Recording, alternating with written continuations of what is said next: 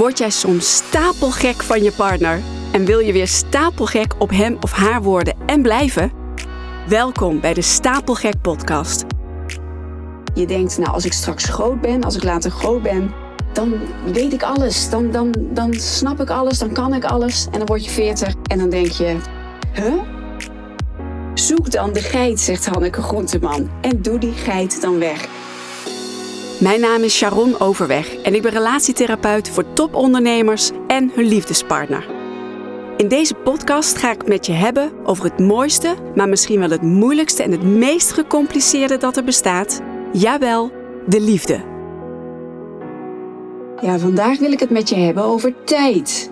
Tijd. Ik weet niet hoe jij daarover denkt, maar tijd is je kostbaarste bezit. Dat vind ik echt, want tijd raakt op je krijgt er aan het einde niet extra tijd bij. Ja, natuurlijk als je gezond leeft en je beweegt, je sport, je, je bent vitaal. Ja, dan mogen we hopen dat we gemiddeld 80 jaar op deze aardbol zijn.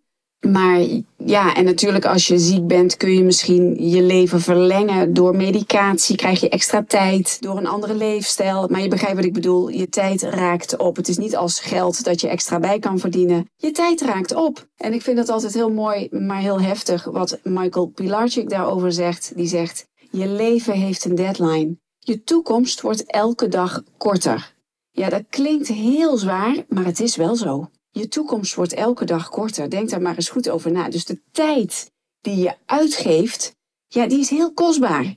met geld denken we heel erg goed na, zijn we er heel bewust mee, maar tijd spoelt weg. Dan geven we maar aan die en aan die. En we gaan naar verjaardagen waar we geen zin in hebben. En we geven onze tijd aan Jan en Alleman, aan allerlei andere mensen, andere dingen. Maar hoeveel tijd geven we nou werkelijk aan onze liefdespartner, aan ons gezin?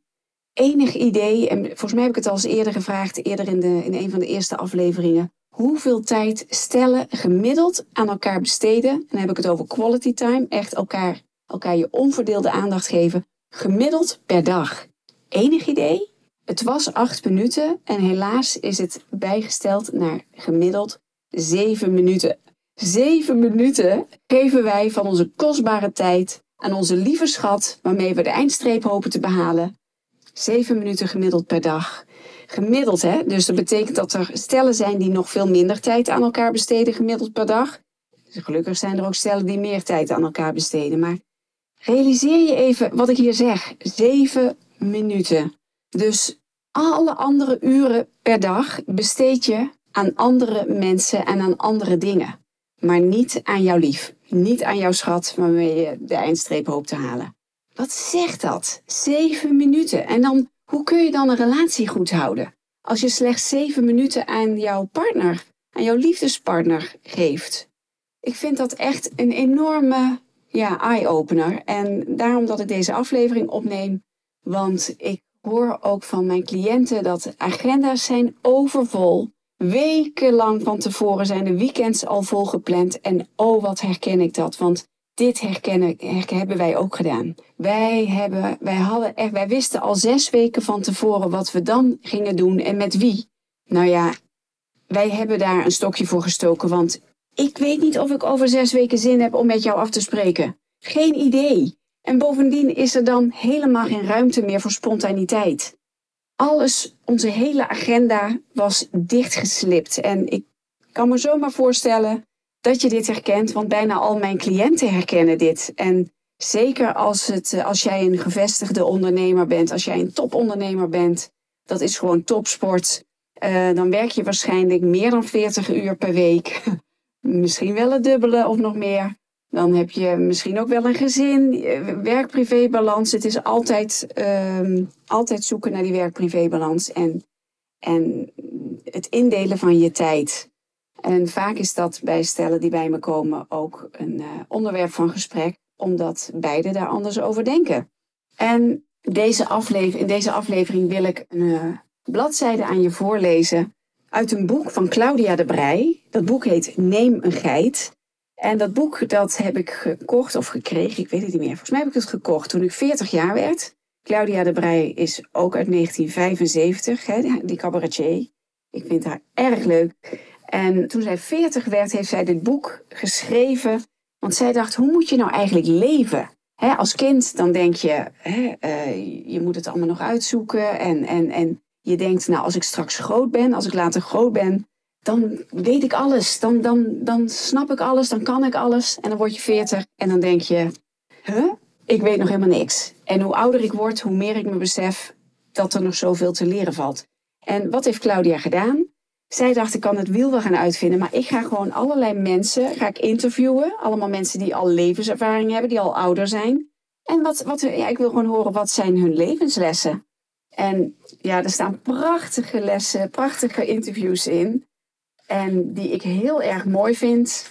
Even kijken. Die is van Hanneke Groenteman. Hanneke Groenteman, de journalist, de tv-presentatrice. En nou ja, ik vind wat zij zegt, Hanneke, zo mooi. En ik heb er zelf zoveel aan gehad. We hebben echt onze agenda hierop aangepast. Wij hebben bijvoorbeeld besloten dat wij, maar dat is al heel lang geleden hoor. Ik denk dat dat uh, ja, zeker tien jaar geleden is. Uh, nee, dat kan niet, want ik ben nu 48, dus dat zal acht jaar geleden zijn of zo. Hebben wij besloten dat wij in principe niet meer naar verjaardagen van kinderen van vrienden gaan. Dus als onze kinderen niet met die kinderen bevriend zijn, dan gingen wij, wij, gingen, wij gingen daar gewoon niet meer naartoe. Want je, je spreekt die ouders toch niet. Je spreekt alleen maar hun familie en vrienden. Hè? Dus wij hebben dat gewoon niet meer gedaan. En daar keken sommige mensen best wel van op. Want ja, als jij kinderen hebt in de basisschooltijd, ja, dan word je overal uitgenodigd. Je hebt heel veel vrienden die ook kinderen hebben. En als je daar dan niet meer naartoe gaat, ja, er werden, niet iedereen kon dat maar kon dat waarderen. Er waren ook mensen die zeiden van wauw, dat jullie dat gewoon durven. En dat zouden wij ook moeten doen. En we hadden zoiets, Olivier en ik, je hebt maar 52 weekenden, hè? 52 zaterdagen en 52 zondagen. Gaan wij dan naar verjaardagen, waar we de jarigen uh, nauwelijks spreken, ook volwassenen, als we, ja, soms spreken we gewoon liever apart af met, met iemand in plaats van naar een verjaardag te gaan. Want op een verjaardag spreek je de jaar vaak niet. Je spreekt wel alle vrienden en familieleden van de jarigen, maar de jarigen spreek je vaak niet. Natuurlijk wel naar onze beste vrienden en familieleden, hè? maar je kent het wel, je weet wat ik bedoel. Goed, en dan heb je opeens zeeën van tijd. Wij weten gewoon vaak niet wat we over twee of drie weken doen. je hebt natuurlijk altijd wel uh, je verplichte nummertjes, zoals verjaardagen van familieleden of een bruiloft. En dat vinden we ook leuk en dat willen we dan ook heel graag. Maar wij spreken niet af met vrienden om over drie weken of over zes weken te gaan uit eten. Daarvoor deden we dat wel, dat doen we niet meer. Dan zeggen we gewoon, joh, laten we in die week even bellen. En dan kijken we of we dan, uh, ja, wat we dan afspreken, of we daar dan zin in hebben. En dan zeggen ze ja, maar waarschijnlijk kunnen we dan niet. Want zij plannen dan wel hun agenda vol al weken van tevoren. En dan zeggen we nou, jammer dan. dus ik hoop dat dit jou gaat inspireren. Luister naar de, de anekdote, het verhaal wat Hanneke Groenteman vertelt aan Claudia de Brij in haar boek Neem een geit. En toevallig heet dit verhaal ook Neem een geit. En ik denk dat Claudia ook onder de indruk was, zo onder de indruk was van dit verhaal, dat ze daarom haar boek zo heeft genoemd. Neem een geit. Een arme, oude Joodse man woont in een heel klein hutje met vijf kinderen en een zwangere vrouw. Ze kunnen hun kont niet keren, het is veel te vol. Die man is ten einde raad en gaat naar de rabbijn en zegt: Rabbi, ik heb een huisje, vijf kinderen, mijn vrouw is zwanger, ik word helemaal gek in dat kleine hutje. Wat moet ik doen? De rabbijn zegt: Neem een geit in huis. Die man denkt: geit? Maar hij doet alles wat de rabbijn zegt en koopt dus die geit. In dat volle hutje, met die zwangere vrouw en die vijf kinderen, komt een poepende, piesende geit. Hij wordt helemaal gek natuurlijk en gaat een week later weer terug naar de rabbijn.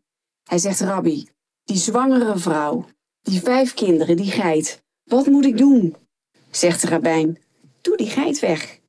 Nou, Hanneke legt uit, dan heeft hij ruimte, snap je? Dus wij, zegt Hanneke, hebben heel vaak in de familie dat iemand zegt, die heeft een geit. Iemand die bijvoorbeeld een afspraak heeft en die belt dan af. Of je gaat er zelf niet naartoe en merkt dan dat je ervan geniet dat je niet hoeft. Dan weet je, dat was een geit. Nou ja, dit is zo herkenbaar. Ik vond het zo herkenbaar. De les is dus, doe die geit weg. Want een geit nemen, dat heb je vaak al gedaan. Je hebt het alleen toen niet doorgehad. Als je te druk bent, gestrest, je slaapt slecht, nee, dat je niet aan jezelf toekomt, niet leuk bent, Zoek dan de geit, zegt Hanneke Groenteman. En doe die geit dan weg. Sorry, er komen allemaal berichten binnen op mijn laptop. Dat heb ik niet uitgezet, dus je hoort af en toe een piepje. Maar ik vind dit briljant. En ik moet zeggen, ik ben zelf, wij zijn zelf Joods. Ik ken dit verhaal niet. Deze anekdote ken ik niet. Dus uh, ik vind het ook heel leuk dat dit dus blijkbaar een Joods, een Joods verhaal is. Maar wij kunnen heel vaak dus tegen elkaar zeggen van... oh, het voelt echt als een geit. Geit moet weg. Of als ik zelf inderdaad afgebeld word of iemand zegt af... dan weet ik gewoon, oh, ik was de geit. En dan kan ik daar gewoon... vind ik helemaal niet erg. Want dan denk ik, wat fijn dat iemand afzegt... Want ik wil helemaal niet met iemand afspreken. Of ik wil helemaal niet dat iemand op mijn feest komt. als iemand er eigenlijk helemaal geen zin in heeft. Om wat voor reden dan ook. Hoe eerlijk is dat dan? Dus ik denk, ik ga het gewoon voorlezen aan je. En ik hoop dat het je inspireert en dat het jou gaat laten nadenken over jullie agenda, over jouw tijd. Aan wie besteed je je tijd? we zijn, uh, de vakantie is bijna voorbij. Wij mogen nog. Wij gaan maandag lekker weg. Ik ben er ook heel erg aan toe. Wij zijn er heel erg aan toe. En nou ja, dit zijn dus allemaal berichten die binnenkomen van jullie, van jullie luisteraars. Ik krijg allemaal mailtjes en berichten en DM's op reactie van mijn podcast. nee hoor, dat is het niet allemaal. Maar stuur me een DM, stuur me een mailtje. Ik vind het heel leuk om van jullie te horen. Wat doet deze aflevering met je? Waar besteed jij je tijd aan? Waar besteden jullie je tijd aan? En denk nog eens even terug in die zeven minuten. Zeven minuten per dag. Echt ik geef ook altijd meteen de opdracht mee. Vanaf nu minimaal zeven minuten elkaar je onverdeelde aandacht geven. Want daar gaat het om, hè? Dus niet zeven minuten, niet een uur op de bank liggen Netflixen. Dat kan wel fijn zijn. Maar dat is niet wat wordt bedoeld met die zeven minuten.